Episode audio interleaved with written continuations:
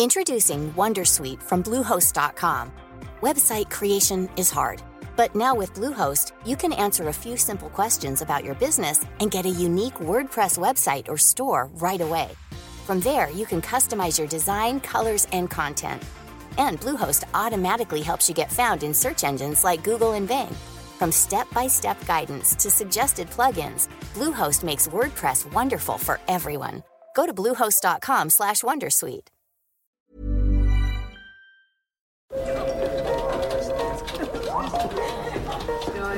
Dette er lyden av norsk næringsliv. Akkurat nå tas det små og store valg som kan bli avgjørende for fremtiden. Med økonomisystemet X-Leger tas disse beslutningene basert på informasjon i sanntid, slik at drømmer og ambisjoner kan bli virkelighet. Få kontroll og oversikt, gå inn på xledger.no. Denne sendingen er sponset av Xleger.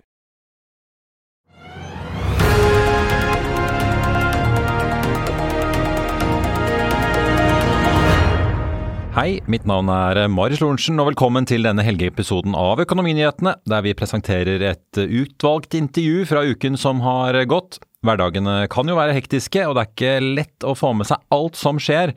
Derfor finner vi frem klipp som vi mener kan være interessant å høre, enten fordi de har lært oss noe, er underholdende eller fikk frem en nyhet. Og med det så setter vi i gang, vær så god. Da skal vi ta en eh, dagens gjest. Eh, nummer to, får vi si. Historien om Norske Skog handlet jo i mange år om eh, mye gjeld og et utenlandsk fond med en pokerspillende partner som drev gjennom en storstilt restrukturering. Og for så vidt vi får så nevne at Kjell Inge Røkke var innom en liten periode. Siden den gang så er Oceanwood ute, og eieren av byggvarekjeden Bygma har blitt storeier. Og nå, Geir Drangsland, nå har du også inntatt rollen som toppsjef i Norske Skog. Velkommen og god morgen. Takk. Tusen takk for at jeg får lov å besøke dere.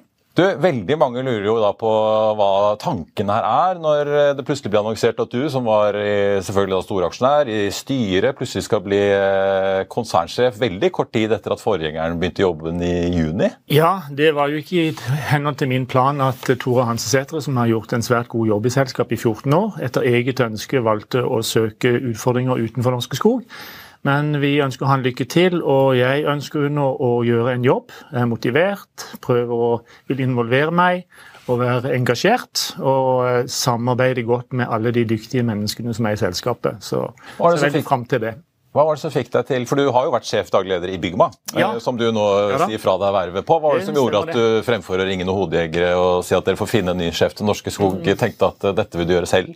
Jeg tenker at eh, jeg står litt støtt i meg selv i forhold til Jeg tror jeg kommer til å gjøre en svært god jobb. Uh, Bygma er jo òg en treforedlingsbedrift, så i forhold til verdikjedeforståelse så har jeg jo Det er en relasjonstung bransje, så jeg kjenner jo skogeierne. Eh, sagbrukene, som er på en måte råstoffbasen for både Bygma og Norske Skog, har jeg gode relasjoner og tenker at det er en kunnskap som også kan ha, være verdifull i å lede Norske Skog. Som ikke produserer byggematerialer, de produserer papir. Og så har vi jo nå store prosjekter på gang med å bygge om papirmaskiner til det voksende, lønnsomme kartongemballasjemarkedet for å skaffe oss nye inntekter nå, som er voksne til erstatning for inntekter på papir, som jo synker litt. Og eh, aksjonær i Circa Group, som er en sånn teknologisk spin-off som vi har snakket eh, med tidligere, Karlan. Men dette er jo et selskap som eh, er en stor del av norsk næringslivshistorie. Det har vært eh, mange historier om opp- og nedturer og en stor satsing på avispapir, som selvfølgelig eh, ikke tålte tidens tann etter hvert som alle begynte å kaste over nettbrett og mobiler. Ja, vi, vi, snakket om det på forhånd her ja. når vi gikk inn, at det er, jo, det er jo et selskap som har nesten vært i omstrukturering i 20 år, og man har veldig mange ledelser har undervurdert oppgaven med å styre det først ved å ha feil strategi ved å satse på globalt avispapir, og så har man da eh, vært litt for sein hele tida. At man tror ikke man kan rykke ned, og så ender man opp med å rykke ned, for man er litt for sein med å ta grepene. Så hvilke planer har du nå for å unngå at du får et nytt nedrykk, da? Ja, der er det jo eh, før min inntreden her eh, gjort en kartlegging av bransjens aktører og mulighetene for å utnytte eh, skogen, som jo, som dere sier, er grunnlaget for mye av velstanden vi har i dette landet. Ved å bygge om utstyr man har på papirmaskinene, som jo er på en måte Norske Skogs identitet og DNA, så har man jo nå bygd om utstyr i Østerrike, som, hvor vi allerede fakturerer, pakker og leverer kartongemballasje. og Der går det veldig bra. Både investeringen seg selv gikk fint, man har skaffet seg kunder og en veldig fin utvikling. Så den versjon 2.0 nå med å diversifisere selskapet til kun å produsere og selge papir, til også å selge kartongemballasje, den er jo allerede i gang. Så har vi også en stor ombygging i Golbey, som er vårt flaggskip. Ja. En Triple A-produsent. Eh, og Der vil eh, fakturering og salg av kartongpapir igangsettes i slutten av annet kvartal. Så Det tenker jeg er litt viktig for meg å, å være ydmyk for. At vi skal ikke gjøre for mye på en gang heller. Disse to ombyggingene er faktisk fem milliarder i investeringer. Vi har allerede betalt fire, over fire av de for øvrig. Det gjenstår bare én på kapitalbruk. og eh, du må la det på en måte spille seg litt ut? La dette, Det er såpass tungt løft for Norske Skog bare å komme seg over i dette kartongmarkedet med disse to ombyggene at vi tenker å motivere og kontrollere at den prosessen skjer eh, i tråd med planene våre i seg selv, er liksom step én for meg. Så får vi da i step to bli sammen med styret og gjøre en kartlegging av bransjens aktører og se er det naturlig for Norske Skog innenfor DNA-et vårt, da, som er å foredle skog, at det kan være andre sektorer enn emballasje og papir som òg kan være interessant for oss. Det er jo noe som vi vil jobbe med og se er det nye muligheter som eh, også kan være interessante for Norske Skog framover. Men Det blir jo litt for tidlig å være eksplisitt på akkurat nå. Men jeg syns det er fantastisk spennende å jobbe med skog, treforedling liker å ha sagflis. på. Det er mye, mye man kan bruke det til. Altså, det både bygge høyhus oppe på Vi snakket litt om det også på Brumunddal, sånn i, inngangen her. altså Billerud, ikke sant, de lager kartonger. De taper jo penger i år. Det er nedgangskonjunktur ute i Europa. Mm. Mm. Zalando, som er internetthandler, sier at kundene er veldig deprimerte. De er mer deprimerte nå enn under finanskrisen. Mm. det er, jo, det er, jo, syklisk, det også. Eh, på en litt annen måte enn avispapir. Mm. Så, men har dere, ser dere at dere kommer gjennom dette på en enkel måte? At, at det, det, det, konjunkturforløpet dere ser, at det kommer ikke til å ramme dere på noen kritisk måte? Jo, vi må jo eh, I forhold til makrobildet, da, eksogenfaktorer, det betyr utenforliggende faktorer som ikke vi kontrollerer. På sykler, da, så er det jo syklisk, og vi må jo være med i de syklene. Nå er det jo ganske eh, inn i en lavsyklus. Jeg merker dere at forbrukerne strammer inn sånn at det blir mindre holdt jeg på å si, eh, pappkartonger i nettbutikker som skal produseres? Og... Nei, mest at det er på pris. Ja. Dårligere betalingsvilje. Vi får dårligere betalt.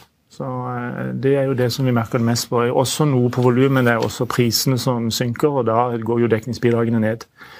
Um, Gold Bay f.eks., det er jo den største anlegget vårt. Der har de en veldig god posisjon både på eh, billig, ren energi, god eh, tilgang på råstoff og også kort vei til kunder. Og Det er oppskalert, det er veldig stort anlegg, veldig nytt. Så der er det jo å utnytte det at vi har skalafordeler og ta vare på det som gjør at i en lavkonjunktur så står vi oss likevel bra, for det er på, både på oppstrøm og på nedstrøm og på infrastruktur en veldig fin fabrikk. Så du vinner både på kost og på tid? Og, og, da er det atomkraft i Frankrike da, som gjør at du har billig energi ja, for Jeg husker jo gassprisen i Østerrike ja. gjorde at dere måtte, altså de forrige Sven Ombudstedt måtte jo periode stenge ned fabrikken i Østerrike ja. da gassprisen var liksom på de aller villeste nivåene. Helt riktig. Der har du flipside på, i Østerrike, som er en veldig gassavhengig eh, økonomi. Der blødde jo eh, vår fabrikk i Brygg ganske kraftig på energikostnader som kom litt ut av kontroll. Der har man jo òg gjort et grep. Man har jo bygd en stor biokjele hvor man tar imot avfall, transformerer det til energi for å avlaste risikoen man har ved at eh, de gassprisene kan ramme fabrikken hardt i perioder. Bare gate-fees på det, eh, det betyr det man får i avgifter for de som deponerer avfall, er jo 100 millioner kroner, som er rent nettobidrag til fabrikken i Østerrike. Men avispapirfabrikken i Skogn den er vel også veldig kostnadseffektiv på energi? Den fabrikken i Skogn er helt utrolig bra posisjonert. Ja, ja. Man har uh, gode industrienergikontrakter med Statkraft. Uh, logistikken der oppe, jernbanespor inn i fabrikken som gjør at det blir uh, grønn og billig trafikkering av råstoff. Man har E6-en som går forbi, man har dypvannskai. Og der er jo alle forutsetningene for å være lønnsom på newsprint langt fram i tid svært gode.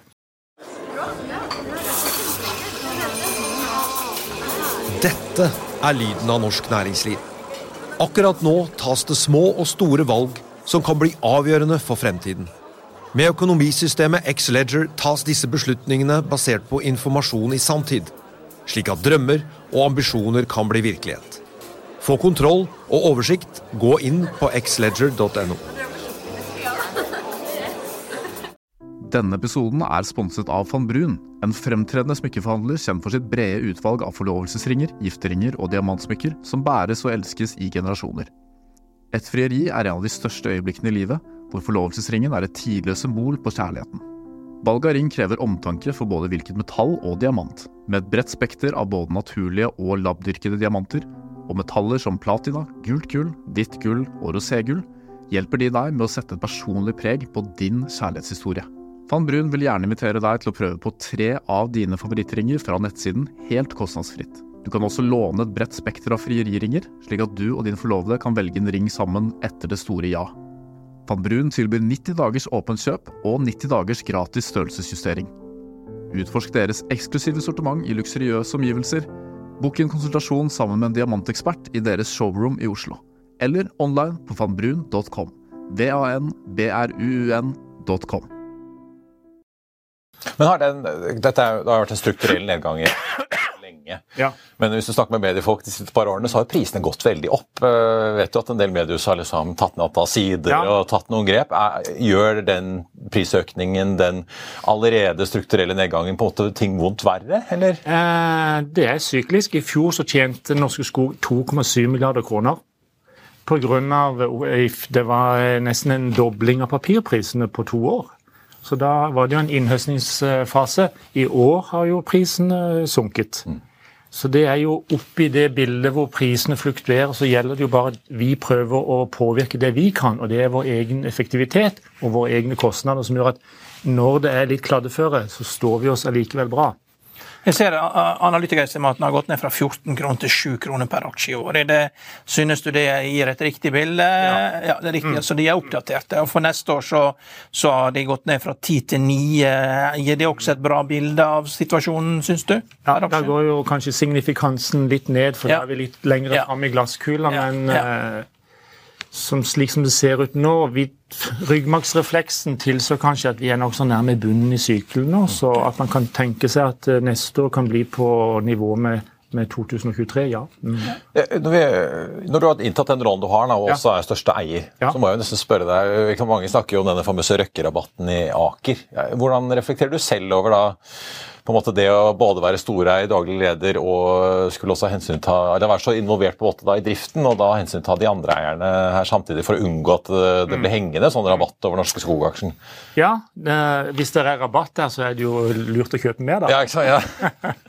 ja, men jeg antar at du ikke har lyst på Ja. en sånn stor Drangsland-rabatt? Ja, Liksom. men eh, nå kan jeg jo Jeg har jo en empiri her, da. Jeg har jo ledet Bygma i uh, 20 år.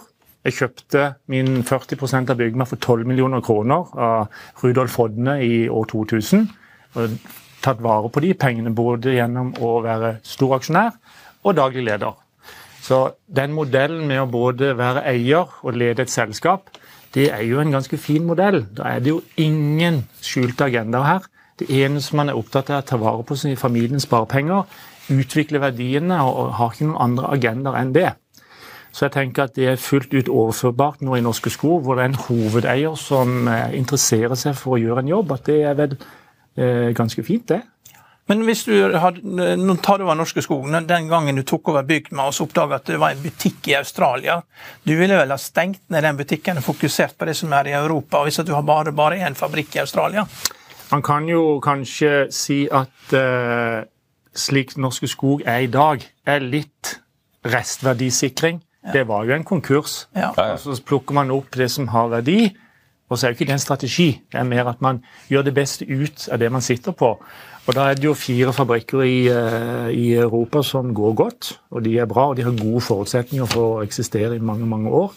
Eh, og så har man også en fabrikk, ja, på Tasmania, det er jo så langt fra Norge som man kan komme, som òg går i pluss, men den er jo ikke core business. Så den eh, vil vi vel se på om vi kanskje kan eh, selge, eller overlate stafettpinnen til en annen lokal aktør, kanskje. Det er ikke noe industriell logikk i Å sitte på den over tid, nei. nei. Da handler det egentlig om å kanskje få en riktig pris, da. Ja, ikke sant. Så, Ja. Men samtidig, så lenge det er positiv kontantstrøm, så er det ikke noe akutt. Bruker du å si, så å si all tid på Norske Skog nå, eller er det sånn at du har én dag i uken til Bygma og andre prosjekter, og fire dager i uken eller pluss det til, eh, til Norske Skog? Det har jo gjort et uh, skarpt veiskille nå, hvor som en konsekvens av å tiltre som konsernsjef i Norske Skog, så er ikke det forenlig med å også være konsernsjef i Bygma. Så samme dag som jeg tiltrådte, så hadde vi også styremøte i Bygma, og jeg varslet styret i Bygma om min fratreden og vil nå tre inn som styremedlem i Bygma. Som jo er naturlig, fordi jeg, familien min eier jo nesten 90% av det selskapet. Ja, Så du må passe på den da. men, uh, ja, men uh, det, det, er ikke folk i butikkene lenger, så det er, det er, så lett, det er lett å passe på det nå. Ja, det kan du si. og her, Vi setter på en ny konsernsjef nå. Han vil sannsynligvis bli rekruttert internt, som ja. kjenner selskapet godt, og som jeg vet også kan samarbeide godt med styret der. så ja. Eh, det blir jo også sånn når man er leder lenge i et selskap, så får man litt det jeg kaller ryggmargsrefleks. Ja. Jeg trenger ikke vite så mye om hva som foregår i bygg for å vite hva som kan være lurt å gjøre. Hvordan stå her, ja. Men til slutt, da, da, lurer jeg litt på, fordi du, i børsmeldingen eh, da dette jobbbyttet ble annonsert, så snakker du også om på en måte muligheter du ser. Eh, og Én ting er jo da emballasjesatsingen som man har satt i gang nå over noen år, og som, som du sier du vil se utfolde seg. på en ja. måte. Men jeg nevnte jo det, dere er jo eier i dette Circa Group, som mm. driver jo inn hvis vi kan kalle det biokjemi. da. Mm. Er det, hvilke andre muligheter er det du ser for Norske Skog mm. utover det å satse på uh, papp og emballasje? Det er jo noe av det som blir det interessante å se frem, og hvilke andre områder innenfor treforedling er det vi vil satse på. Det jeg kan si jeg vil være veldig uh, tydelig på, er at vi skal være et treforedlingskonsern. Jeg ønsker ikke at vi skal bli, være et energiselskap. Selv om det òg kan være eh, transformere fiber til energi og eh, en arena. Men treforedling skal være Norske Skogs DNA, som det alltid har vært. Og da kan man jo se på og lære kanskje av de som virkelig eh, er de som har lykkes godt. SCA, Holmen, UPM. Hva er det som kjennetegner de fremfor, som du nevnte, Bilderud som blør, sliter og har en enorm lekkasje på ombyggingsprogrammene sine i USA, bl.a. SCA, som er på en måte beste gutten i klassen, Svensken, de har jo egentlig egen skogbank. De eier sagbrukene selv. De har eh, plateindustri. De har logistikken selv.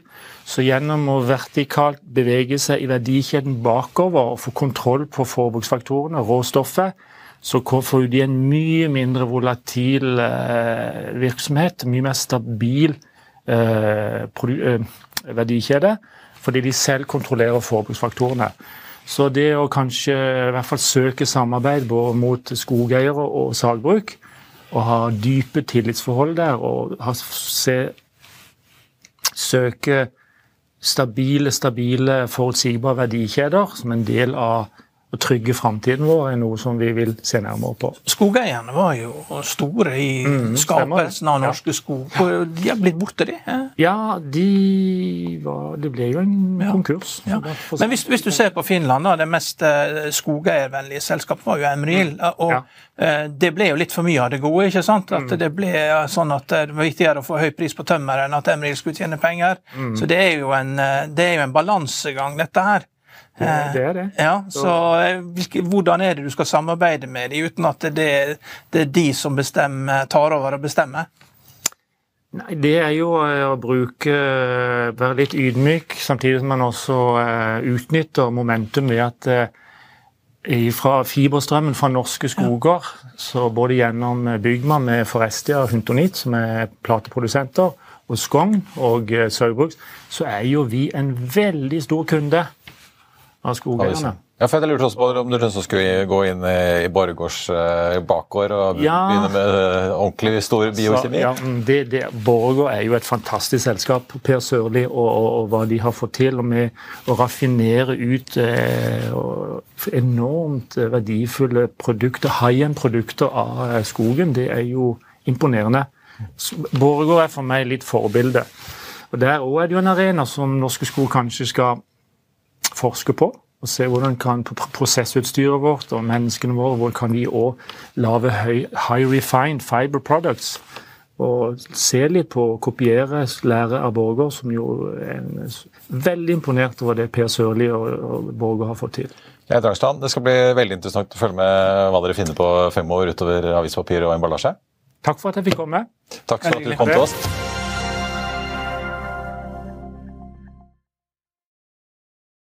Denne sendingen er sponset av Xleger. Økonominyhetene er en podkast og videoproduksjon fra Finansavisen. Programleder er Marius Lorentzen. Aksjekommentator er Karl Johan Molnes. Produsent er Bashar Johar. Podkast- og videoansvarlig er Marius Mørk Larsen. Og ansvarlig redaktør er Trygve Hegnar.